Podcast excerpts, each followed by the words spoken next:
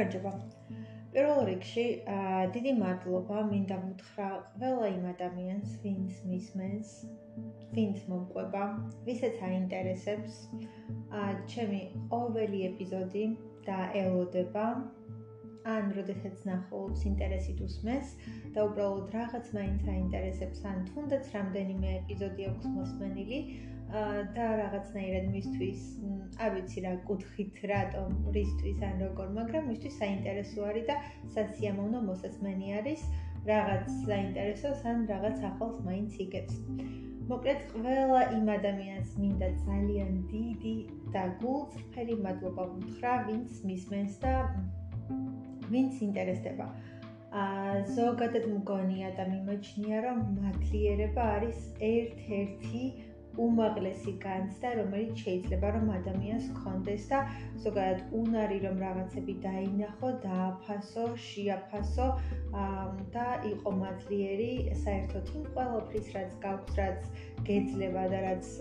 ხდება შენ ცხოვრებაში და შენთვის ეს არის ძალიან მაგარი რამ. და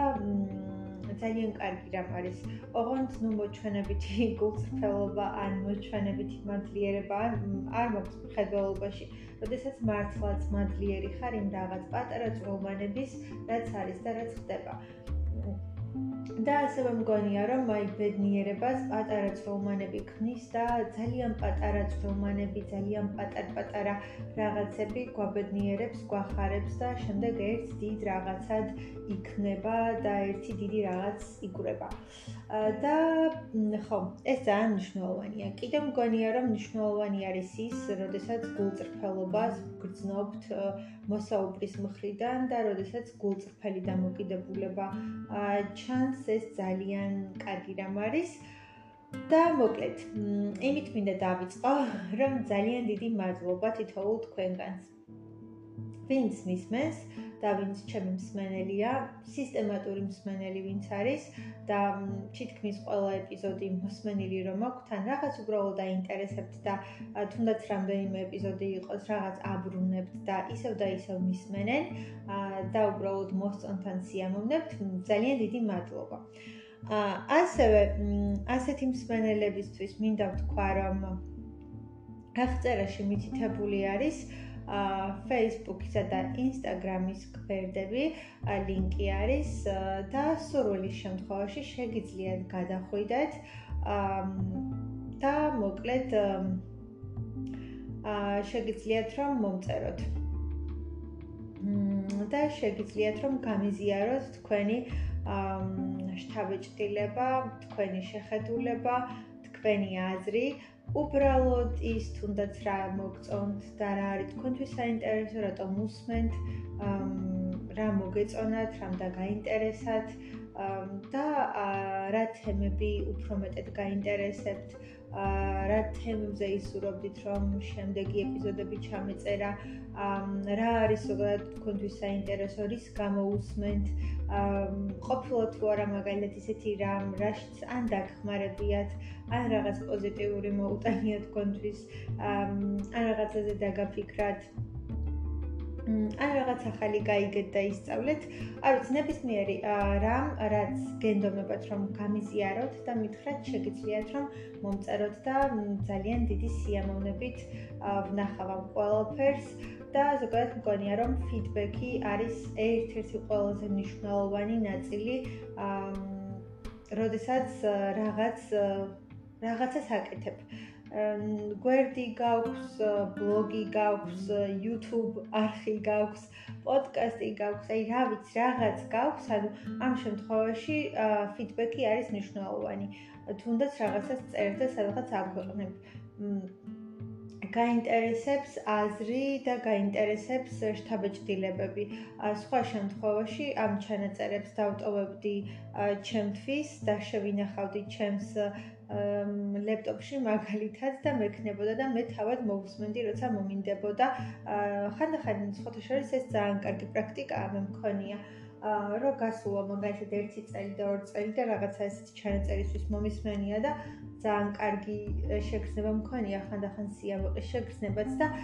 კიდევ აი ის მომენტი ყოფილა კარგი რომ შენი ასე ვთქვათ ძველი მე შენს ახალ მეს რაღაცას რო ეუბნება და ძალიან დამხმარებია მოკლედ რაღაცაზე ხელახლა დავფიქრებულ ვარ ან რაღაცისთვის ხანერეთ შემიხედავს ან უბრალოდ გამხარებია რომ რა კარგია რომ ასე ვფიქრობდი. ან რაღაც მსგავსი მოკლედ ესეც საინტერესო პრაქტიკაა. მე პირადად მქონია რომ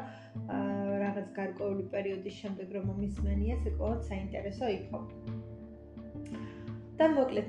თუ გამიზიარებთ თქვენს შეხედულებებსა და შთაბეჭდილებებს ძალიან მოხარული ვიქნები, ასევე Instagram-ზე შეგიძლიათ რამდენიმე ფოტო დევს და ისიც ნახოთ თუ დაინტერესდებით. რა თქმა უნდა და მოკლედ შეგიძლიათ რომ მომწეროთ გამიზიაროთ შთაბეჭდილებები, შეხედულებები,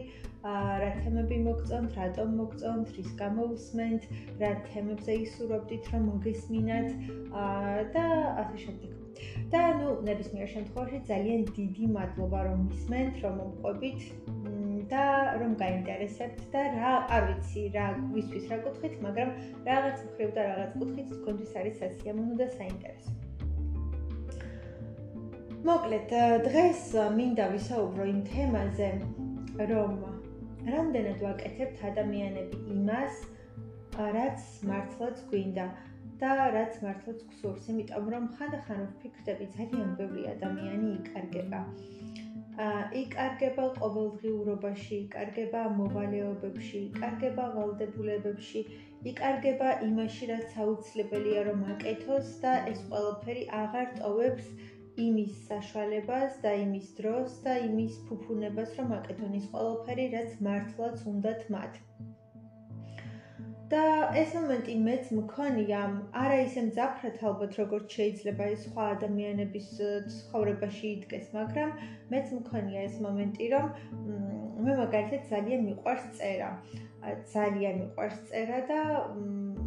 არ ვიცი, უფრო მეტად მჭირდება განწყობა, ემოცია, რაღაცა და ყოფილი მომენტები ჩემ ცხოვრებაში, როდესაც სხვა საქმე უფრო მეტად მქონია და ის უნდა გამეკეთებინა, თუნდაც იმიტომ რომ რაღაცა შემოსავალი მჭირდებოდა, არ ვიცი რაღაცა. და იმდენად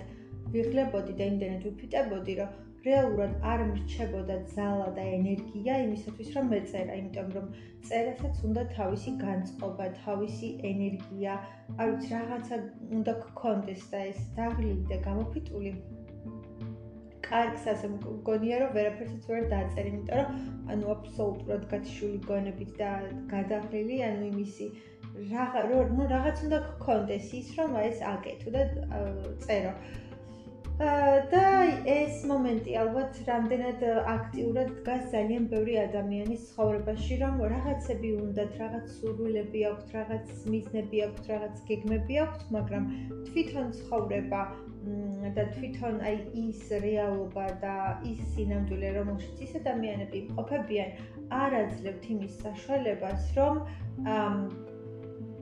ეს ყველაფერი გააკეთონ. ძალიან ბევრი მოვალეობა აქვთ ძალიან ბევრი პასუხისმგებლობა აქვთ. უბრალოდ რომ იყვნენ და იარსებონ ანუ საარსებოდ სჭირდებათ რომ რაღაცები გააკეთონ და სხვა რაღაცებში იყვნენ ჩართული და უბრალოდ სხვა გზა და სხვა გამოსავალი უბრალოდ არ აქვთ და აი რამდენად რამდენად ხელისშემშლელი არის ესეთი მომენტები და რამდენად გვართმევენ ხანდახან იმ შესაძლებლობებს, რაც მართლა გვინდა რომ გავაკეთოთ და რამდენად ვიკარგებით მე ამ ყოველფრის ფონზე.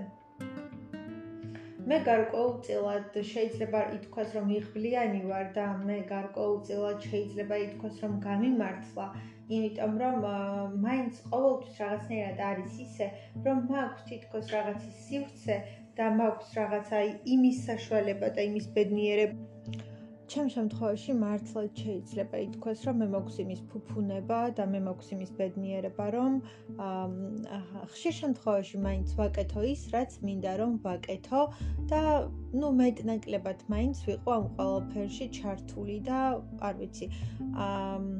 ანუ გქონდეს რაღაცა დრო და გქონდეს რაღაც ფუფუნება და აი გქონდეს რაღაც, არ ვიცი,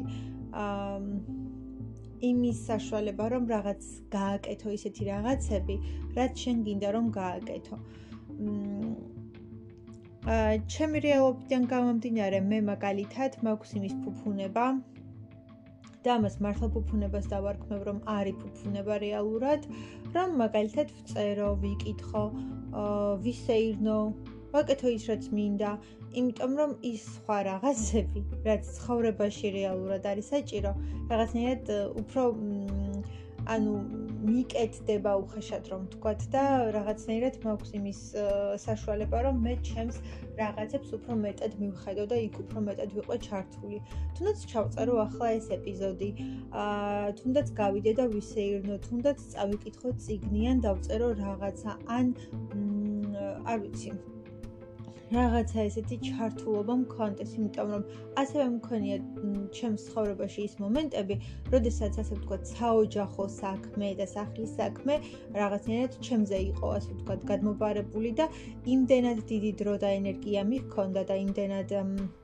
იმდენად ბევრი რამ იყო, ასე ვთქვათ, აი ამ კუთხით გასაკეთებელი, რომ ხანდახან არ ტოვებდა იმის დროს და ენერგიას და განწყობასაც მათ შორის, რომ მე კიდევ რაღაც სხვა გამეკეთებინე და სხვა რაღაცით დავკავებულიყავი. ანუ იმ ყოველფრით, რაც მიყვარს, ამას გულისხმობ და რეალურად ძალიან გამომფიტველი არის და ხანდახან შეიძლება რაღაცა დრო დაგრჩეს, მაგრამ იმის ენერგია, იმის ხარისი და იმის განწყობა არ გქონდეს, რომ ეს ყველაფერი გააკეთო, იმიტომ რომ დასვენების მეტი მაგალითად არაფერი არ გინდა. აქედან გამომდინარე, აი ეს პატარა რაღაცებიც კი მგონია, რომ არის უდიდესი საჩუქარი და უდიდესი ბედნიერება და კომფორტი და არ ვიცი, ხელშეწყობა კომფორტის შექმნა, ფუფუნება, ბედნიერება რაც უბრალოდ ჩვენ მოგეცა და ვიღაცა შეიძლება არ აქვს. და ვიღაცისთვის ძალიან ხელი შემშლელი პირობა არის და უბრალოდ ისეთი მომენტი არის, რაც უნდა დააფასო და რაც უნდა გაბედნიერებდეს და რასაც უბრალოდ მართლა მართლაც უნდა აფასებდე და რითიც უბრალოდ უნდა იყო ბედნიერი, იმიტომ რომ უნდა გაიაზრო ალბათ ის მომენტი, რომ ეს ყველაფერი ყველა ადამიანს არ აქვს. ის რაღაცები, რაც ჩვენ მოგეცა და რაც ჩვენთვის არის ასე ვთქვათ ბუნებრივი, ყველა ადამიანს ასე არ მიეცა და ყველა ადამიანს ასე არ აქვს. აქედან გამომდინარე, ის რომ ეს ყველაფერი დავაფასოთ, ის რომ ამ ყველაფრით ვიყოთ კმაყოფილები და ბედნიერები, ესეც რაღაც ძალიან დიდი რამ არის. და ზოგადად მგონია, რომ მმ ძალიან ბევრ ადამიანს ესეთ რაღაცებში ეშლება ხელი და შემდეგ იკარგები და იკარგება რაღაცნაირად ადამიანი, იმიტომ რომ ვერ აკეთებს იმას, რაც რეალურად უნდა, რაც შინაგანად უნდა რომ გააკეთოს რაც რაღაცნაირად მისი არის. ამ და მე ეს დაკარგულობა არის ძალიან ცუდი, ძალიან ცუდი ემოცია და ძალიან ცუდი განცდა, რომ სადღაც დაიკარგე. აა და ნუ ხო რაღაცნაირად ესე კარგავ საკუთარ თავს და უფრო მეტად რო ვფიქრდები, რამდენი ადამიანი არის, ვინც მართლაც აკეთებს იმას, რაც მართლაც უნდა და რაც გულით და სულით უნდა და რაც რეალურად შინაგანად მისი სურვილი არის და ალბათ მოთხოვნაც და არ ვიცი რაღაც რაც ძალიან უნდა რომ აკეთოს და რაღაც რაშიც უნდა რომ იყოს ჩართული, მაგრამ რეალურად ვერ არის, იმიტომ რომ იმიტომ რომ სახლის საქმე აქვს გასაკეთებელი, იმიტომ რომ მაგალითად ოჯახის წევრები ან ბავშვები ყავს, რომელსაც უნდა მოუაროს, იმიტომ რომ ბავშვი ყავს წასაყვანი ან ბაღში ან სკოლაში ან გამოსაყვანი, ან უნდა ამეცადინოს და ანუ რეალურად არ რჩება იმის დრო ან იმის ფუფუნება რომ აკეთოს ის ყველაფერი, რაც მას მართლა უნდა. და ამ დროს ალბათ ძალიან დიდი დაკარგულობის შეგრძნებაც არის, რომ ანუ რაღაცა რაღაცა გართმევს ამ ფუფუნებას, მაგრამ რა თქმა უნდა, ამ შემთხვევაში ის ადამიანი ან ის გარემოება, რაც ამ ფუფუნებას გართმევს, ისიც იმდენად მნიშვნელოვანი და ძვირფასი არის შენთვის, რომ ასე აღარ აღიქმება, მაგრამ ნუ მეორე კუთხით თუ დავუფიქრდებით, არის ის მომენტიც, რომ შენი სურვილები ხანდახან გვერდზე გადაიწევს ხოლმე. და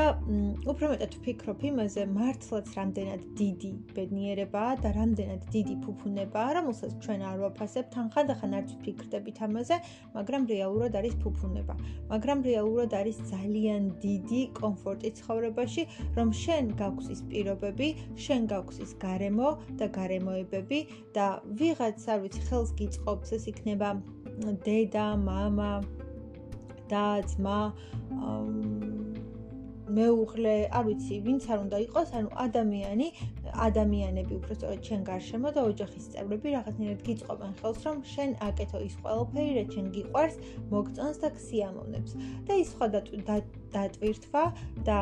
რაღაცები იმდენად არ წამოვიდეს შენზე და შენ მთლიანად ხარ ჩაფლული შენ საქმიანობაში და შენ საყვარელ რაღაცებში. ეს მართლაც არის ფუფუნება და ძალიან დიდი ძალიან დიდი სიძურფასი არის. აა პირადად მე ბოლო ალბათ 2-3 თვე ამაზე ვფიქრობ. ამ რაღაცნაირად წამოვიდა ამაზე ფიქრი და შემდეგ უფრო ღრმად გავყევი, რომ როგორ გამიმართლა. შემდეგ აი უფრო ეს აღმოჩენა მქონდა და უფრო ეს მადლიერება და კმაყოფილების განცდა მქონდა და სიხარულის განცდა. მე იმას დავფიქრდი, რომ აი რამდენ ადამიანს არ აქვს ხო ეს კომფორტი და ბევრს აქვს ალბათ, მაგრამ ყოველს ხომ არ აქვს ყოველ შემთხვევაში. და რამდენად გამიმართლა მართლა რომ მქონდა იმის ფუფუნება და ბედნიერება და საშუალება რომ მეკეთებინა ის ყველაფერი, რაც მართლაც მიყვარს და მსიამოვნებს. რომ ყოველთვის მქონდა იმის კომფორტი, რომ როცა მომინდებოდა წამეკითხა ციგნი, როცა მომინდებოდა რაღაცა დამეწერა, მომესმინა, მეყურებინა და არავინ არ მეუბნებოდა რომ აი იმ დროს როცა მე ამის კეთების განწყობაზე და ხასიათზე ვიყავი, რომ მეკეთებინა სხვა რაღაცა, იმიტომ რომ რაღაც იყო აუცილებლად გასაკეთებელი და ჩემი მოვალეობა ან ვალდებულება. და ხო ანუ ესეთი რაღაცები არის ძალიან დიდი ბედნიერება ჩემი აზრით. შეიძლება საოჯახო საქმის კეთება უწევდეს ვიღაცას, შეიძლება უბრალოდ სამსახურში გასვლა უწევდეს და ანუ მატერიალურად უწევდეს რომ ასე ვთქვათ, შემოსავლები იშოვოს და მოიტანოს, ასე ვთქვათ, იმიტომ რომ ოჯახისთვის მაგალითად ეს არის გადამწყვეტად მნიშვნელოვანი და სასიცოცხლოდ მნიშვნელოვანი და სხვა გამოსავალი ან სხვა ვარიანტი არც არის და უნდა თუ არა ამ ყოველფრის კეთება რეალ რეალურად უწევს და ნუ არ ვიცი ძალიან ბევრი მაგალითი და ძალიან ბევრი შემთხვევა შეიძლება იყოს. და მე რა უბრალოდ ჩემ თავში ვიყავი ძალიან კმაყოფილი და ბედნიერი მარტო იმით რომ აი მე ეს ფუფუნება მაქვს და მქონდა და რა მაგარია. რა კარგია რომ ეს ყველაფერი მაქვს და მე მქონდა ის რომ შემიძლია ვაკეთო ის ყველაფერი რაც მინდა რომ ვაკეთო. და მაინც მიუხედავად ამ ყველაფრისა მეტნაკლებად მეტნაკლებად მაქვს იმის ფუფუნება რომ ვაკეთო ის ყველაფერი რაც მინდა და რაც მიყვარს და რაც მსიამოვნებს და მაინც მიუხედავად ამ ყველაფრისა ხანდახან ისეთი გაფანტული ვარ ისეთი გაფანტული ვარ და ისეთი ისეთი გაფანტული ვარ მართლა რომ მაინც მიუხედავად იმისა რომ დროც მაქვს ხანდახანდა რაღაც პირობებიც მაქვს ამის აი რაღაცნაირად თავს ვერ ვუყრი და ნუ განწყობა მაკლია რაღაც მაკლია და მაინც ვერ ვაკეთებ ხოლმე იმ ყველაფერს რაც მინდა რომ გავაკეთო. და ზოგადად აა ძალიან მნიშვნელოვანი არის ადამიანი აა აკეთებდა იმას, რაც გიყვარს და მეორე, აი აა ცხოვრების, ასე ვთქვათ, პირობებშიც გაგიმართლოს და აი ესეთ რაღაცებში გაგიმართლოს მართლა, რომ ისეთ გარემოში იყო, ისეთ სიტუაციებში იყო, ისეთ ადამიანებთან ერთად იყო, რომ აი მართლაც ჩათვალო და იფიქრო, რომ გაგიმართლა. და მართლაც ჩათვალო და იფიქრო რომ ძალიან იღბლიანი ხარ და ეს მგონია ძალიან დიდი დიდი მნიშვნელობა აქვს რა ამას იმიტომ რომ ბევრ ადამიანს არ უმართლებს და ამ კუთხით. და ბევრ ადამიანს არ აქვს ხელშემწყობი პირობები და კომფორტი და ფუფუნება რომ რაღაცნაირად აი ეს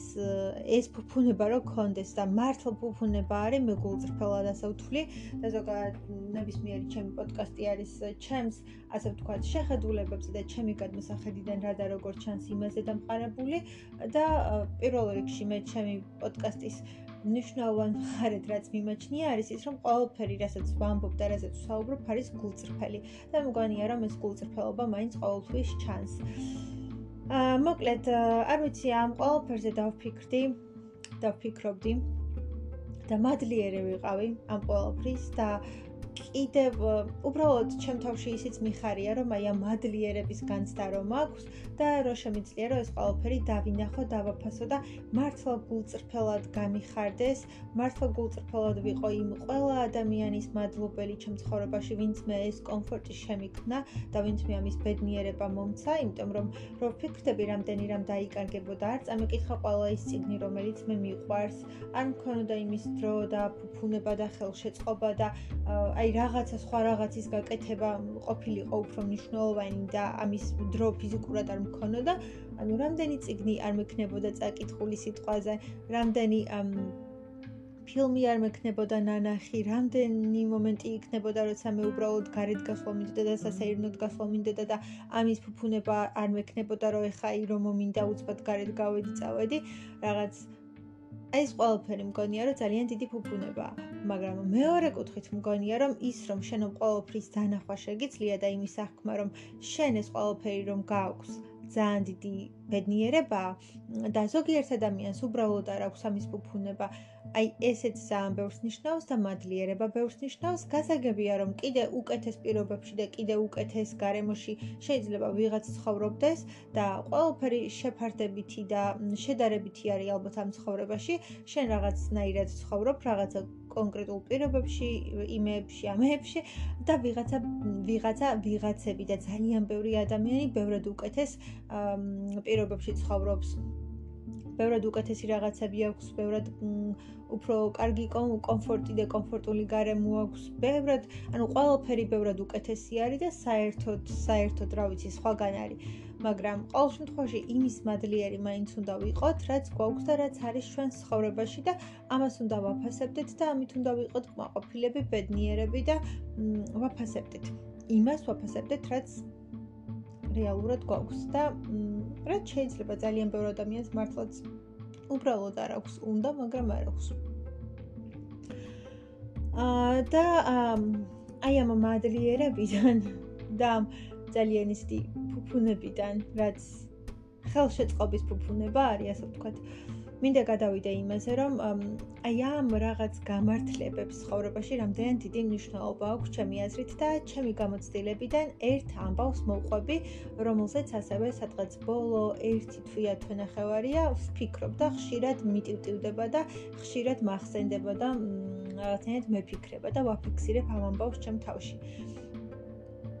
ეს ამბავი მინდა რომ გაგიზიაროთ და მგონია რომ ყველა და არც არაფერი გვახსენდება და მოდის ჩვენ გონებაში ისინი რაღაცებს გვეუბნებიან უფრო დაგვაფიქრებენ და გვანახებენ განსაკუთრებული არაფერი უბრალოდ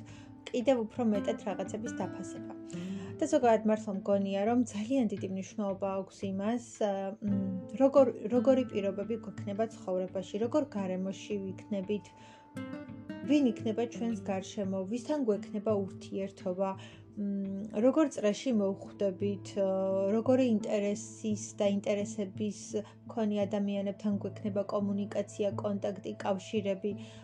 და ნუ ყველაფერი ძალიან მნიშვნელოვანია და ყველაფერი ძალიან მნიშვნელოვანი და განსაზღვრელი არის ბევრი რაღაცის ჩვენ ცხოვრებაში და მგონია რომ აი უდიდესი მნიშვნელობა აქვს ამ ყველაფერს, უბრალოდ უდიდესი მნიშვნელობა აქვს და მ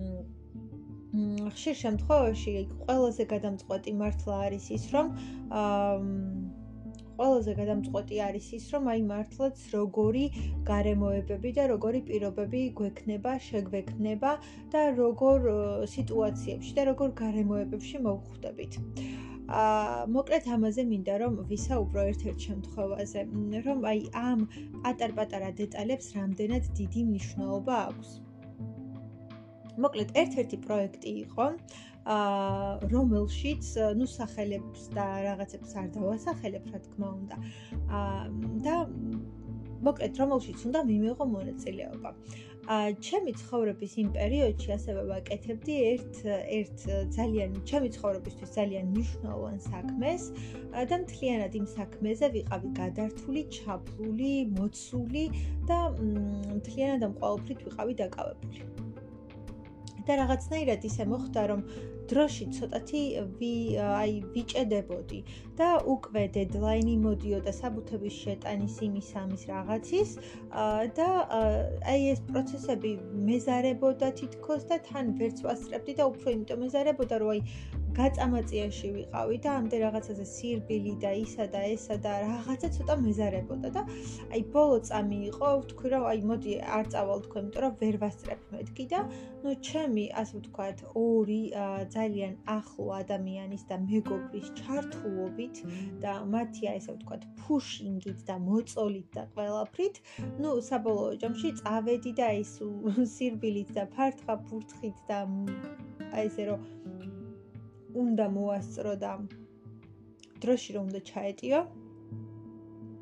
მართლა ესე სირბილებით და რაღაცებით საბოლოო ჯამში მოკლედ მივედი და საბუთები შევიტანე და ნუ მიმიღეს და მოკლედ ამ პროექტში მივიღე მონაწილეობა. რომელიც ეხლა იმ მომენტიდან გასული არის 4 წელი მე მგონი. ხო 4 წელი. სადღაც ესე 3-4 წელი და აი ჩემ ცხოვრებაში ეხლა აქედან რომ ვუყურებ ერთ-ერთი უნიშნელოვანესი მომენტი და პროექტი იყო რომელშიც მე ვიყავი და აღმოჩნდი და საიდანაც მოხდა ისე რომ შემდეგ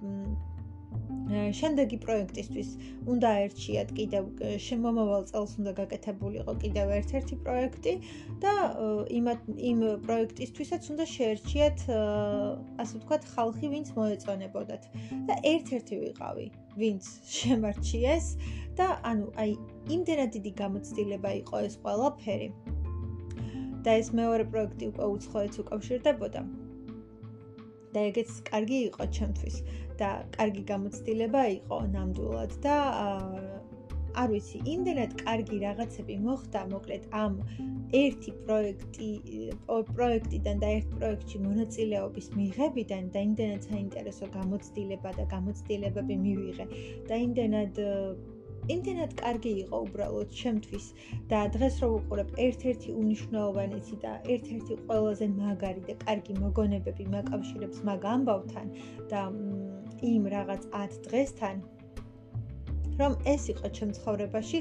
უმაგრესი, უკარგესი და უმშვენიერესი გამოცდილება და ნამდვილად ღირდა რომ მე იქ ყოფილიყავი, მოხვედრილიყავი, მონაწილეობა მიმეღო და აი რამდენად რამდენად სუდი იქნებოდა ეხლა რომ მე იქ არ აღმოჩენილიყავი. ანუ თან ეს ყველაფერი არ იყო და არ ეხებოდა მხოლოდ იმას, რომ იქ ერთჯერადად რაღაცა სიტყვაზე 10 დღე ვიყავი და წამოვედი. არა, იმათ იმათმა დღემ და იქ წასვლამ მომცა ძალიან ბევრი კარგი ну მოგონება, მომენტი, შესაძლებლობა და თუნდაც ის რომ შემდეგ წელს კი ეს სხვა პროექტში ჩავერთე, ზუსტად იქ მონაწილეობიდან გამომდინარე და იქ მიღებული მონაწილეობის გამო და არა მარტო, ანუ იქ თუნდაც იმ მეორე პროექტშიც რომ არ აღმოჩენილიყავი, ანუ იმდენად კარგი კარგი იყო თვითონ მოგონებების და ამბების და თავგადასავლების და რაღაცების კუთხით. იმდენად კარგი იყო, თუნდაც ის 10 დღე იქნებოდა საკმარისი. მაგრამ, რა თქმა უნდა, ძალიან დიდი ბენეფიტი და ძალიან დიდი სასიხარულო ამბავი იყო, რომ კიდევ სხვა რაღაცა მოყვა. მაგრამ მაგასაც რომ თავი დავანებოთ, იმდენი ადამიანი გავიცანი იმდენი კარგი ნაცნობი შევიძინე, იმდენი რამ ნახე, ვისწავლე, რომ აი ეს ყველაფერი ღირდა ღირდა ამ გამოცდილებას და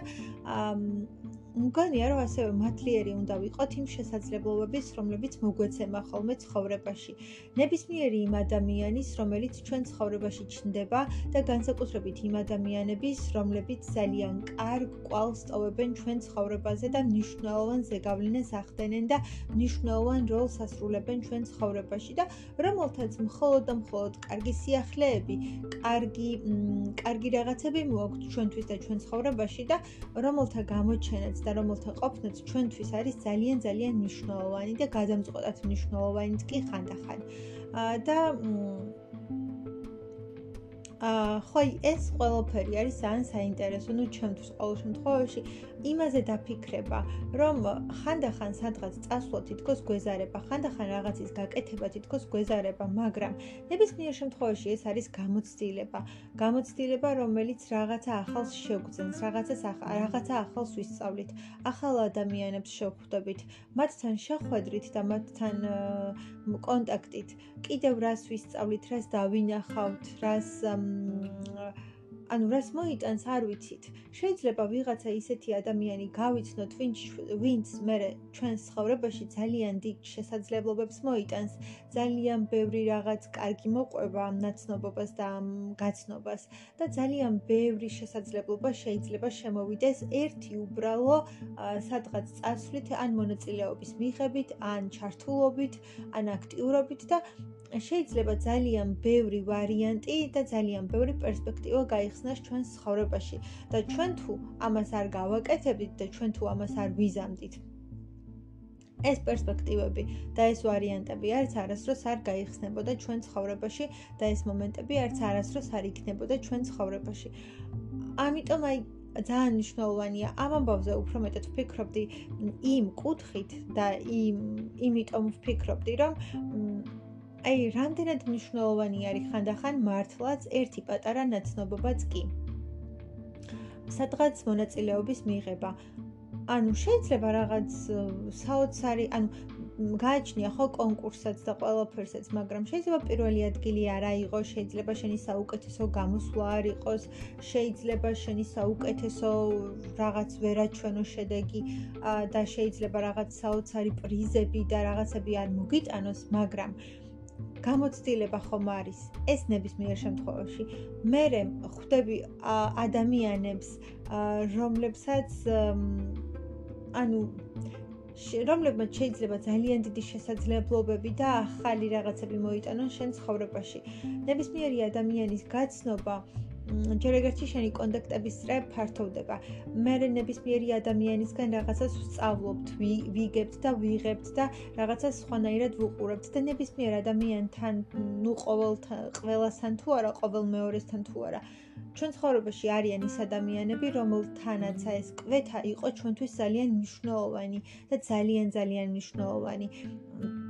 მე რო ვფიქრდები აი ჩემ ცხოვრებაში ახლა ჩემს ხელმძღვანელთან შეხვედრა რამდენად დიდი ბედნიერება იყო ეს საკმაოდ დიდი ხნის წინ მოხდა სადღაც 15 წლის წინ ალბათ მაგრამ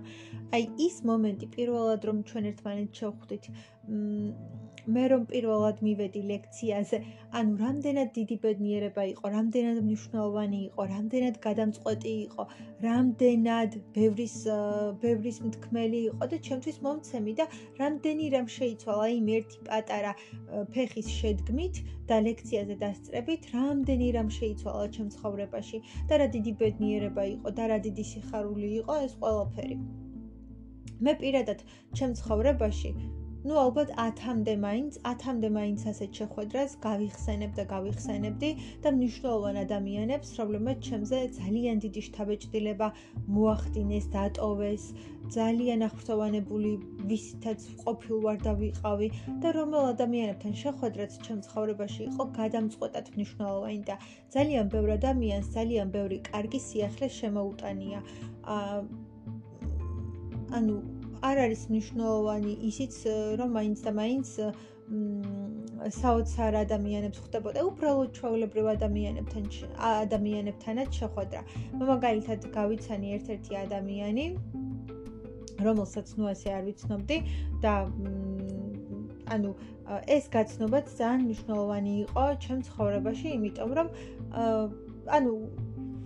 ვინმე განსაკუთრებულზე, ანუ ჯერ ეგრეთ ყველა ადამიანი განსაკუთრებული არის, მაგრამ ანუ სტატუსობრივად და წოდებებით და მატერიალური მდგომარეობებით და რაღაც მსგავსით არ გულისხმობ ამ შემთხვევაში. აი უბრალოდ ჩაოლებრივი ადამიანი და იმდენ შემთხვევაში დამეხმარა მე ეს ადამიანი. იმდენჯერ დამიდგა გვერდით. იმდენჯერ კარგი რაღაც გამიკეთა. და აი მართლა მთელი გულწრფელობით, გულით, სულით რომ დაგეხმარება და კარგ რაღაცებს რომ გიკეთებს და სიკეთეს რომ გიკეთებს და აა არ ვიცი, რაღაც შემთხვევებში აი ყოფილა ის რომ სადღაც არ ვიცი, მირჩია რომ წავსულიყავი რაღაცა მენახა თუნდაც ან თვითონ წამიყვანა და მანახა, ანუ აი უბრალოდ უბრალოდ დახმარება და უბრალოდ კეთილი საქმე მისგან. და რამდენად მნიშვნელოვანი არის. ანუ შეხვედრა ადამიანებთან, რომლებსაც შემდეგ შენ ცხოვრებაში მოაქვს კარგი სიახლეები, სიკეთეები, ასე ვთქვათ, დახმარებები, ხელის გამოწოდება და ხელის გამართვა, ასე ვთქვათ, ადამიანები, რომლებიც გეხმარებიან და ცდილობენ, რომ კარგი გაგიკეთონ, ადამიანები, რომლებიც უბრალოდ შენ გვერდით დგანან, რომლებიც ხანდახან გამხნევებენ და იმ წუთას მეტი არც არაფერი გჭირდება, ადამიანები, რომლებიც мотиваციას გაძლევენ და ყველაზე მნიშვნელოვანი მართლა რაც მგონია ამ ცხოვრებაში, უბრალოდ მე ასე ვუყურებ მთელ ცხოვრებას და მთელ ამ ამბავს და ყველაფერს, რომ კონტაქტებზე, კავშირებზე და კომუნიკაციებზე მნიშვნელოვანი ამ ცხოვრებაში არაფერი არ არის საერთოდ. ყველაზე მნიშვნელოვანი არის ის კონტაქტები, კავშირები და ნებისმიერი სახის კომუნიკაცია, რომლებსაც ჩვენ ჩვენი ცხოვრების მანძილზე ვქმნით. ადამიანები, ამ ადამიანებთან შეხვედრა, გამოცდილება ჩვენი ამ ადამიანებთან და ასეთი ადამიანი არის ბევრი. ზოგი იქნება მეგობარი, ზოგიერთი იქნება ჩვენი მასწავლებელი, ზოგიერთი იქნება ხელმძღვანელი, ზოგიერთი ჩვენი პარტნიორი, ზოგიერთი უბრალოდ კარგი ნაცნობი და ჩვენთვის ძალიან კარგი მეგობარი. არ ვიცი, ზოგიერთი იქნება ჩვენი თანამშრომელი, ზოგიერთი იქნება კოლეგა. არ აქვს ნიშნულობა რა სტატუსით იქნებიან ეს ადამიანები. ზოგი ჩვენი ხელმძღვანელი იქნება, ზოგი ჩვენი უფროსი იქნება, ხო, მაგრამ აი რაღაც მომენტებში 10-20 ადამიანს მაინც გაიხსენებს ალბათ ნებისმიერი ადამიანი თავის ცხოვრებაში, რომელ ადამიანებთან შეხვედრაც ძალიან მნიშვნელოვანი იყო მათთვის, ძალიან დიდი ბედნიერება იყო და ძალიან ბევრი კარგი რამ მოუტანა და ანუ კარგი ადამიანების გამოჩენა შემოსვლა. და რა დაფიქრდები, რომ აი ამ ადამიანის გამოჩენით მე რამდენი კარგი რამ ვისწავლე, შევიძინე, რამდენი კარგი შესაძლებლობა და ვარიანტი შემოვიდა ჩემ ცხოვრებაში, რომ რა რა დიდი ბედნიერება და რა დიდი სიხარულია, რომ მე ამ ადამიანს შევხვდი. და ამ ადამიანმა რამდენი კარგი რამ მოიტანა მოიტანა და შემოიტანა ჩემ ცხოვრებაში, რამდენი რამ დამანახა, რამდენი რამ მასწავლა. ზოგიერთ ადამიანს ხანდახან შეიძლება ერთხელ შევხვდეთ, მაგრამ იმ ერთი შეხვედრის დროს ისეთი რამ გვითხრას, ისეთი რამ თქვას, რომელიც ჩვენზე წარუშლელ ყვალს დატოვებს და მოახდენს და რომელიც ჩვენზე ძალიან დიდ ზეგავლენას მოახდენს და ყოველთვის გვემახსოვრება. აა მე იმ ადამიანების ასე ვთქვათ, მადლობელიც ვარ და ზოგადად მადლიერი ვარ, ვინც აესი აღმომიჩენია, ვისაც არ ვიცნობ რეალურად, არ შევხვედრი ვარ, მაგრამ მათ კონტენტს ასე ვთქვათ, მივყვები, ან ვუსმენ, ან მათ რაღაცას ვკითხულობ, ან მათგან ბევრი რამ ისწავლი ამ ადამიანებს ის მადლიერიც ვარ, იმიტომ რომ რომ არა ისინი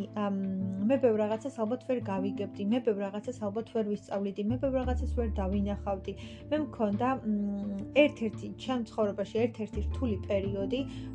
რომელიც გამოვიარა რთული პერიოდები ყველა ადამიანს აქვს, მაგრამ ის პერიოდი ჩემთვის საკმაოდ რთული იყო. სადღაც ერთი წელი, მაგრამ ნუ რამდენიმე თვე თვე კიდევ უფრო მეტად განსაკუთრებით რთული იყო და აი ამ პერიოდში ზუსტად და ესე პოდკასტების მოსმენით, რაღაცების მოსმენით, წაკითხვით, იმ ნუ ჩემი ინტერესებიდან და რაღაცებიდან გამომდინარე, მაგრამ აი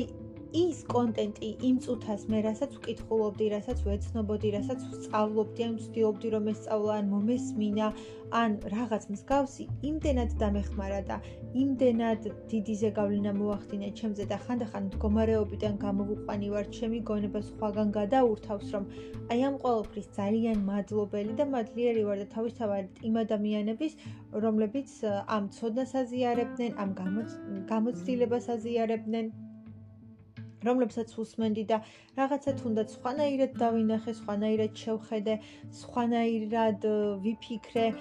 რაღაცებს საერთოდ სხვა თვალით შევხედე, სხვა კუთხიდან დავინახე, რაღაცებზე თუნდაც დავფიქრდი უბრალოდ და რაღაცები, რაღაც აღმოჩენები გავაკეთე ჩემ თავში. ეს ძალიან მნიშვნელოვანი იყო, იმიტომ რომ მე იმ ძალიან რთულ და კრიზისულ და კრიტიკულ მომენტებში, ასე ვთქვათ, რომ გადავრჩი და მე რომ არ დავიკარგე საერთოდ და მე რომ ასე ვთქვათ, რაღაცნაირად შევძელი პირობითად რომ თქვა თუ როგორ როგორც კიდეთ ანუ რომ გადავრჩენილიყავი და რომ გამოვსულიყავი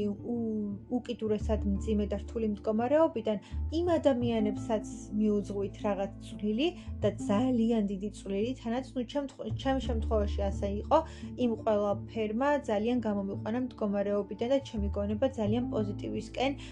და ნუ ცოტა სხვა კუთხისკენ გადართო და რაღაცებში ძალიან დამეხმარა და მიშველა და რამდენად დიდი ბედნიერება არის, რომ ეს ყველაფერი იყო და არსებობდა და რომ მე იმ ყველაფერს ვუსმენდი, ვნახე, წავაწყდი თუნდაც საერთოდ რო აღმოვაჩინე და რომ რომ ვუსმენდი და რომ ეს ყველაფერი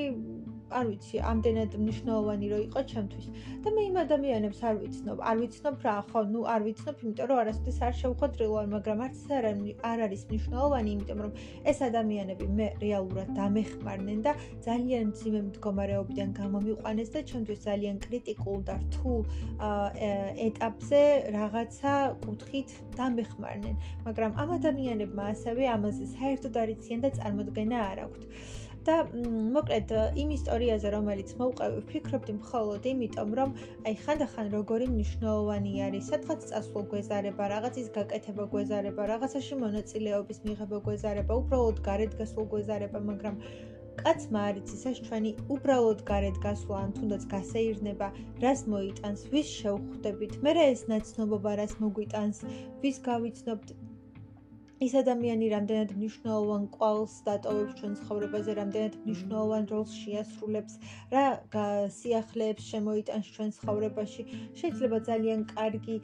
სიახლეები შემოიტანოს, ძალიან კარგი შესაძლებლობები და შანსები მოგვეცეს. შეიძლება ძალიან კარგი ვარიანტები გაგვიჩნდეს უბრალოდ იმ ადამიანთან შეხვედრიდან გამომდინარე და რაღაცა ცოდნას მოგცემს ან გამოცდილებას მოგცემს. ნებისმიერი ადამიანი ჩვენ ცხოვრებაში რაღაცა რაღაც რაღაცისთვის მოდის ხომ, რაღაცა ცოდნას გვიზიარებს, რაღაცას დაგვანახებს, რაღაცას გვასწავლის და ნებისმიერი ადამიანი და ნებისმიერი თითოეული ჩვენგანი ალბათ ვართ ციგნები და რაღაცებს ვსწავლობთ და ზოგიერთი ადამიანის წაკითხვა არც გვინდება. ანუ ციგნებად თუ ავიღებთ, ანუ ყველა ციგნის წაკითხვა ხომ არ გვინდა, მაგრამ ზოგიერთი გვინდა რომ წავიკითხოთ ზოგიერთს, გადავშლით და დავხურავთ ზოგიერთი რაღაც ეტაპამდე ვკითხულობთ და მე ინტერესი გავგიქრება. მაგრამ არის რაღაცა რაოდენობა ციგნების, რომლებსაც ჩვენ ცხოვრებაში ვკითხულობთ, ხო? ნუ ყოველ შემთხვევაში მე მგონია, რომ ნებისმიერ ადამიანს ჩვენთვის მოაქვს ცოდნა. რაღაცა ცოდნა, რაღაცა სიახლე, რაღაცებს დაგვანახებს, რაღაცა შეგვახედებს, თავისი კუთხიდან შევხედავთ და რაღაც სხვანაირად დავინახავთ რაღაცებს და ნებისმიერი ადამიანი და მათთან შეხვედრა ჩვენთვის არის ძალიან დიდი გამოცდილება, ცოდნა და კიდევ არ ვიცით რა შესაძლებლობები არის მომავალში. ანუ თითოეულ ადამიანთან მიმართებით, ანუ ძალიან ბევრმა ადამიანმა ჩვენ ცხოვრებაში შეიძლება ძალიან კარგი როლი ითამაშოს, პოზიტიური როლი ითამაშოს და ძალიან კარგი სიახლეები შემოიტანოს და ძალიან ბევრი შესაძლებლობა და ვარიანტი გაგვიჩნდეს კარგი კუთხით. თუმცა ხანდახან ხდება ისიც, რომ ძალიან ცუდ გამოცდილებას ვიღებთ და ასე ვთქვათ, ნეგატიური, უარყოფითი ადამიანებიც ჩნდებიან ჩვენ ცხოვრებაში, რომ რომლებთან ძალიან ცუდი გამოცდილება გვაქვს, ძალიან რაღაცას ამ გუშავებენ, ან გვტკენენ, ან არ ვიცი, მოკლედ ცუდი ადამიანები, ცუდი გამოცდილებები, ცუდი რაღაცები რაც ხდება ჩვენ ცხოვრებაში, მაგრამ ეს უბრალოდ ალბათ არის გაკვეთილი, რომ დაგვენახათ უნდაც განსხვავება კარგსა და ცუდ შორის, კეთილსა და ბოროტ შორის, ასე ვთქვათ, რა არის კარგი, რა არის ცუდი და უბრალოდ რაღაცები რო გვესწავლო და ალბათ ის რომ მხოლოდ ვარდისფერი არ არის ყველაფერი ამ სამყაროში და რომ სხვა ფერებიც არსებობს და მათ შორის მუქი ფერებიც და ეს უბრალოდ ალბათ გაკვეთილებია და უბრალოდ რაღაცა ცოდნა იმ შემთხვევაში იმ კუთხით რომ ნუ რაღაც ცუდიც და ნეგატიურიც არის და არსებობს ამ ქვეყნად და ამ ცხოვრებაში და ესეც უნდა დავინახოთ, ესეც უნდა ვისწავლოთ და ამ მხარესაც როგორც არ უნდა მოვინდომოთ საბოლოო ჯამში ვერ გავექცევით და ვერ დავემალებით. ხო, არ ვიცი, მოკლედ, მაი მაგაზე ძალიან ძალიან ძალიან ბევრს ფიქრობდი, რომ აი ერთი პატარა მომენტი ცხოვრებაში, რაღაცის გაკეთება, გეზარება, გეზარებოდა, მაგრამ იმ რაღაცამ მომცა სხვა შესაძლებლობა ცხოვრებაში, ანუ ეს რომ არ გამეკეთებინა, იქვე რასოდეს ვერ მოვხვდებოდი, შემდეგ იმ ნაცნობობამ კიდე სხვა სიახლეები შემოიტანა იქ გაცნობილმა ადამიანებმა აა ანუ საქმიანი კუთხით და კარიერული კუთხით ვგულისხმობ მე ამ შემთხვევაში, რომ სხვა ვარიანტები გაჩნდა, სხვა შესაძლებლობები გაჩნდა, შემოთავაზებები, რაღაც ვარიანტები, რაც ძალიან კარგი იყო და არის ჩემთვის და რასაც ბედნიერი ვარ, კმაყოფილი ვარ და მადლიერი ვარ სამყაროსი, რომ ეს ყველაფერი იყო, რომ ეს ყველაფერი მოხდა და ეს შესაძლებლობები რომ მომეცა. და ძალიან დიდი ბედნიერება იყო და არის დღეს ჩემთვის და ძალიან კარგი კარგი გამოცდილება იყო და კარგი ვარიანტები იყო რა ეს ყველაფერი და მიხარია რომ ეს ყველაფერი მოხდა, რომ ეს ყველაფერი იყო და არ ვიცი. აი ძალიან მნიშვნელოვანია, ესე მგონია, რომ ძალიან მნიშვნელოვანია და აა მადლიერი რო ხარ ამ ყოველფრის და რო ხედავ რომ რა მაგარია მე რო იქ ვიყავი იმიტომ რომ მე მე რო იქ ის ადამიანები გავიცანი მე რე ამ ნაცნობობით ეს ყოველფერი რო მოხდა და ეს რო დაიწყო მე რე იქიდან იქ რო მოვხვდი ანუ იქ რო არ მომხვედრილი ყავი ეს ყოველფერი არ მოხდებოდა და საერთოდ არ იქნებოდა და ასეთი რაღაცების მადლიერიც რო ხარ მგონია რომ ძალიან მაგარია და ბოლოს დავასრულებ იმით, რომ მართლა მიმაჩნია და მართლა მგონია, რომ ცხოვრებაში არაფერი არ არის საერთოდ იმაზე მნიშვნელოვანი და იმაზე უფრო დიდი, ვიდრე ნაცნობობა, კონტაქტები, კავშირები, კომუნიკაციები, რასაც ჩვენ მთელი ჩვენი ცხოვრების მანძილზე ვქმნით. და მე თავისთავად აი ამ ადამიანებთან ურთიერთკავშირით და ურთიერთქმედებით ვქმნით რაღაცა მომენტებს, მოგონებებს, ისტორიებს, რომლებიც რჩება და ნებისმიერი ადამიანის ცხოვრების ბოლოს, რასაც გაიხსენებს, ხო, ეს იქნება რაღაცა მოგონებები და რაღაცა კავშირები და კონტაქტები და ემოციები და ყველაფერი და აა თავისთავად ჩვენ არ გაგვახსენდება როგორ ვიჯექით ოთახში და როგორ ვკითხულობდით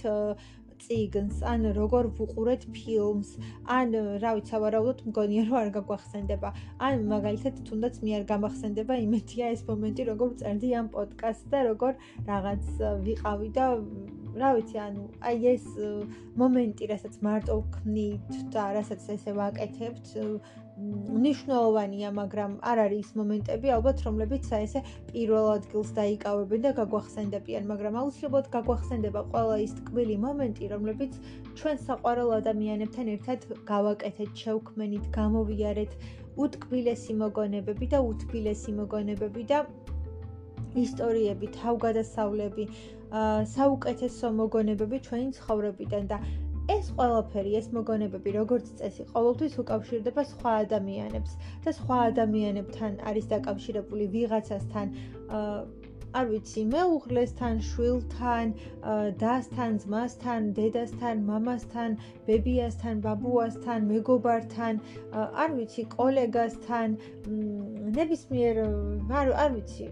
ვიღაცა ადამიანთან არ აქვს მნიშვნელობა ვინ იქნება, მაგრამ სულ ვიღაცას უკავშირდება, ხო? ვიღაცას ან ვიღაცებს ან დიდ ჯგუფს ან არ ვიცი. აი ეს მოგონებები იკავებენ ჩვენ ცხოვრებაში მნიშვნელოვან ადგილს. და თავისთავად რომ არა ის ადამიანები არც ის მოგონებები არ იქნებოდა, არც ის მოგონებები არ შეიქმნებოდა და თავისთავად ყველაზე გადამწყვეტი და მნიშვნელოვანი არის ის კონტაქტები და კავშირები, ის კომუნიკაციები, რომლებსაც ჩვენ ვქმნით და ამაზე წინ და ამაზე მეტი არ ამგონია რომ რამე იყოს და როდესაც მაგალითად მე აღარ ვიქნები ამ ქვეყნად აა ის იქნება ჩემი აზრით მნიშვნელოვანი ვინ რა სიტყვის ჩემზე. ვის როგორ გავახსენდები ვინ როგორ შემაფასებს ვინ როგორ დამახასიათებს და ვინ რა სიტყვის ჩემზე და როგორ იტყვის. რომ როგორი ვიყავი კარგი ვიყავი თუ ცუდი ვიყავი კეთილი ვიყავი თუ ბოროტი ვიყავი მ საყვარელი ვიყავი ჭკვიანი ვიყავი განათლებული ვიყავი აა უხეში ვიყავი, ბოროტი ვიყავი, ანუ აი რა სიტყვებით დამახასიათებენ და რა სიტყვიან ჩემზე, ანუ როგორც დახასიათების კუთხით და ადამიანის შეფასების კუთხით და რაღაცა უბრალოდ რომ რაღაც ერთი სიტყვით ან რამდენიმე სიტყვით რომ დავახასიათოთ, აი სიტყვები რომელსაც ჩემზე იტყვიან, რა იქნება და ასევე ის მოგონებები, რომლებიც გაახსენდებათ, რა სიტყვიან. რაც ეტყვიან რომ და დამეხმარა რაღაცა ძალიან კარგი გამიკეთა როგორი კარგი ადამიანი იყო თუნდაც რაღაცა რჩევა მოუწია ან რაღაც სიტყვა უთქვა შემთვის და ეს ძალიან დამეხმარა და ეს ძალიან მნიშვნელოვანი იყო ჩემთვის და ასე შემდეგ. თუ უბრალოდ ის რომ რა ვიცი ანუ რაღაც ნეგატიური ასე ვთქვათ ან არც იქით და არც აქეთ არც სუდი და არც კარგი ეს მგონია მნიშვნელოვანი, ეს მგონია ყველაზე წინმდგომი და ეს მგონია ყველაზე გადამწყვეტი, აი რა სიტყვიან, როგორ დაგახასიათებენ, როგორ შეგაფასებენ, რა მოგონებები ამოუტივტივდებათ ნებისმიერ ადამიანს, აი ხვალზე გრომ სიტყვაზე რაღაც დამემართოს, ხო თუნდაც. აი ვინ რა სიტყვის, ნებისმიერი ადამიანი ვინც ამას გაიგებს, ვინ რა სიტყვის, ვინ რა როგორ იტყვის და ვინ როგორ შეაფასებს, ასე ვთქვათ, ჩემს პიროვნებას, რომელი მოგონება გაახსენდება ჩემთან დაკავშირებული, რომელი მოგონება ან მოგონებები ამოტივტივდება, ის მოგონებები რაზე იმეტყველებს, რაზე იქნება, ის მოგონებები მათვის რა სიტყვის და არ ვიცი აი რა რა და როგორი იქნება. და ალბათ ისიც რომ ვის რამდენად დაწყდა გული ვინ რამდენად განიცადა ვინ რამდენად ინერვიულა და აი რა კვალი დატოვე შენ სხვა ადამიანებში და ისევ ადამიანები მოდის ხო ის კონტაქტები და კავშირები, რომლებიც ჩვენ მთელი ცხოვრების მანძილზე გვაქვს და ვქნით. და რაც უფრო მეტ, კარგ, პოზიტიურ და კარგის მომცემ და კარგი რაღაცების მომტან კავშირებს და კონტაქტებს შევქმნით, თავისთავად უფრო მნიშვნელოვანი და უფრო კარგი არის და ალბათ გადამწყვეტად მნიშვნელოვანიც არის და აი ხო ეს მომენტები მგონია მნიშვნელოვანი რა ყველაზე მნიშვნელოვანი მგონია რომ ეს არის მოგონებები, რომლებსაც ვქმნით და ამ მოგონებებს ჩვენ ყოველთვის ვქმნით კონკრეტულ ადამიანებთან მიმართებით, ხო? ვიღაც ადამიანებთან ერთად, ჯგუფებთან, ან ერთ ადამიანთან, სხვადასხვა ადამიანებთან და ეს კონტაქტები, კავშირები, კომუნიკაციები, ურთიერთობები არის მნიშვნელოვანი. ურთიერთობები არის ყველაზე და ყველაფერზე მნიშვნელოვანი ჩემი აზრით ამ ცხოვრებაში, ნებისმიერი ფორმით და სახით. რაღაცა კავშირი და კავშირის გზები და საშუალებები, რომელსაც ჩვენ ვქმნით, ვამყარებთ და ვცდილობთ, რომ შევქმნათ და ვცდილობთ, რომ დავამყაროთ და მე რა როლი გვაქვს, რა ფუნქცია გვაქვს, რა როლს და რა ფუნქციას ვასრულებთ სხვა ადამიანებთან და სხვა ადამიანების ცხოვრებაში, რა მოგვაქვს მათთვის, რამდენად კარგები და რამდენად პოზიტიურები და რამდენად სასიამოვნო სასიამოვნოები ვართ იმ სხვა ადამიანებისთვის და რამდენად მნიშვნელოვანია მათთვის და მათ ცხოვრებაში ჩვენი ყოფნა და ჩვენი არსებობა. იმიტომ რომ ასევე არიან ადამიანები, რომლებსაც აუცილებლად უთქვით, რომ ეხა ეს ადამიანი რო არ მყავდეს, რა საშინელება იქნებოდა და რა ცუდი ცუდი იქნებოდა. და აი ადამიანები რომლების garaშე ცხოვრებაც და არსებობაც ჩვენთვის არის წარმოუდგენელი და რომლების რომელთა garaშეც უბრალოდ არ გვინდა რომ ვიყოთ და ყოველთვის და ყველგან გვინდა რომ ჩვენთან იყვნენ და ჩვენ გვერდით იყვნენ და ყავდნენ ეს ადამიანები და მათ garaში არ გვინდა საერთოდ და არც წარმოგვიდგენია და ვერც ვუშვებთ და სანამ ვიქნებით და ვიარსებებთ რაღაცნაირად სულ გვინდა რომ ჩვენთან იყვნენ და სულ გვინდა რომ ჩვენ გვერდით იყვნენ. აი ესეთი ადამიანები რაც უფრო მეტნი იქნებიან ადამიანები რომლებიც ჩვენზე კარგ კვალს დატოვებენ კარგ რა ვიცი, შთაბეჭდილებას ატოვებენ და კარგ რაღაცებს მოიტანენ, ესეც მნიშვნელოვანია და ესეთი ადამიანები კიდე ვინც გვინდა რომ იყვნენ, შეიძლება მრავლად იყოს. მაგალითად, ის ადამიანები, ვისაც მე ვუსმენ, აი ხა მაგალითად ერთ-ერთ ადამიანს, ვისაც მე ვუსმენ, აა ისეთი კონტენტი აქვს, კონტენტი აქვს, რომელიც მე ძალიან მაინტერესებს და რასაც ასე ვთქვათ, მიუყვები. ძალიან დიდი ხანია, სადღაც ერთი თვია არაფერი არ დაუდია და გაუკეთებია და რაღაცნაირად ვდართობთ ნერვიულობ, ანუ ძალიან მინდა რომ გამოჩნდეს და რაღაცა ახალი დადოს და მე იმას მოვუსმინო და რაღაცა ნახო, ვისწავლო, გავიგო ახალი. და ჩემთვის აი იმის თქმა მინდა რომ ჩემთვის თუნდაც აი ეს მომენტიც არის მნიშვნელოვანი რომ ის ადამიანი კონკრეტულად ის ადამიანი ამ კონტენტს კონტენტს ქმნიდეს და აკეთებდეს და ეს არ შეწყვიტოს და არ დაანებოს თავი და რაღაცა ახალი გავიგო ყოველ ჯერზე და მოვუსმინო და ეს ჩემთვის საინტერესო იქნება. და არის. და ეს მომენტებიც რამდენად მნიშვნელოვანი არის ამის თქმა მინდა და ამის გულისხმობა მინდა რომ რამდენად რამდენად მნიშვნელოვანი არის ეს მომენტი და ეს პროცესი რომ აი ეს ადამიანები ამ ყოველფერს აკეთებენ თუნდაც და ისედაც ანუ რეალურად იმის თქმა მინდა რომ ხანდახან შეიძლება უბრალოდ მომღერალს უსმენდე რომელიღაც მომღერალს და მისი სიმღერები გიყვარდეს და გინდა რომ არ შეწყვეტოს ეს საქმიანობა. ანუ ნებისმიერ სფეროში მოღვაწე ადამიანი ანუ ის ადამიანები რომელსაც ჩვენ შეიძლება ესე ფიზიკურად არ ვიცნობდეთ მაგრამ ჩვენზე კონდეთ ზეგავლენა და ზემოქმედება და რაღაცა მნიშვნელოვანი იყოს ჩვენთვის ანუ ამ ადამიანს რეალურად არ ვიცნობდეთ, მაგრამ ჩვენზე რაღაცა კონდეს რა, ასე ვთქვათ, ნიშნულოვანი იყოს ჩვენთვის და ძალიან დიდი მნიშვნელობა გქონდეს იმ ყველაფერს, რასაც ის ადამიანი აკეთებს და გვინდოდეს რომ აკეთოს კიდე დიდხანს და ჩვენს გავიგოთ ამის შესახებ ან რაღაცნაირად ცნობა გქონდეს, იმიტომ რომ ჩვენთვის არის მნიშვნელოვანი და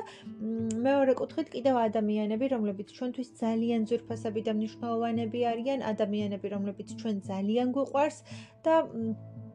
ადამიანები, რომლებთან კონტაქტიც და კავშირიც ჩვენთვის არის ძალიან მნიშვნელოვანი და იმდენად მნიშვნელოვანი, რომ ყოველთვის გვინდა რომ მათთან ვიყოთ, ისინი ყვავდეს და მათთან გქონდეს ურთიერთობა, სულ მათთან ერთად ვიყოთ და რაღაცნაირად არ დავკარგოთ და აი ძალიან გადამწყვეტად მნიშვნელოვანი ადამიანები ჩვენთვის და ჩვენ ცხოვრებაში და სულ გვინდა რომ იყვნენ, სულ გვინდა რომ ყვავდეს, სულ გვინდა რომ მათთან ერთად ვიყოთ, სულ გვინდა რომ მათთან კონტაქტი და კავშირი გქონდეს და სულ გვინდა რომ რაღაცნაირად არ გაწყდეს ეს ძაფი და ეს კონტაქტი. მოკლედ აა რომ დავასრულოთ დღევანდელი პოდკასტი. აა პირველ რიგში გისურვებთ სასიამოვნო და კარგ ადამიანებს თქვენ ცხოვრებაში და თქვენ გარშემო. სასიამოვნო ურთიერთობებს კავშირებს, კონტაქტებს, კომუნიკაციებს, სასიამოვნო ურთიერთობებს, სასიამოვნო ადამიანებს, რომლებიც ძალიან კარგ რაღაცებს შემოიტანენ თქვენ ცხოვრებაში და თქვენ ძალიან ბედნიერი იქნებით ამით და ასევე თქვენ ძალიან კარგ რაღაცებს შეიტანთ სხვა ადამიანების ცხოვრებაში. ასეთ ადამიანებს გისურვებთ ყოველთვის თქვენს გარშემო. გისურვებთ რომ ძალიან ძალიან კმაყოფილები და მადლიერები ყოფილიყავით იმ ყოველფრით რაც ხდება თქვენ ცხოვრებაში და უფრო მეტი რამ დაგენახოთ და პატარ-პატარა დეტალები ბი შეგემჩნიოთ და მე რეინისი მადლიერი და კმაყოფილი ყოფილიყავით და ეს ძალიან მნიშვნელოვანი გრძნობა და განცდა ასე მგონია და მე მიმაჩნია ასე ყოველ შემთხვევაში და კიდევ თუ გექნებათ სურვილი მოკლედ შეგიძლიათ რომ შემეხმიანოთ მომწეროთ გამიზიაროთ თქვენი შთაბეჭდილებები. ბედნიერ დღეს გისურვებთ და არ ვიცი ყველაფერს საუკეთესოს ბედნიერად მომავალ შეხვედრამდე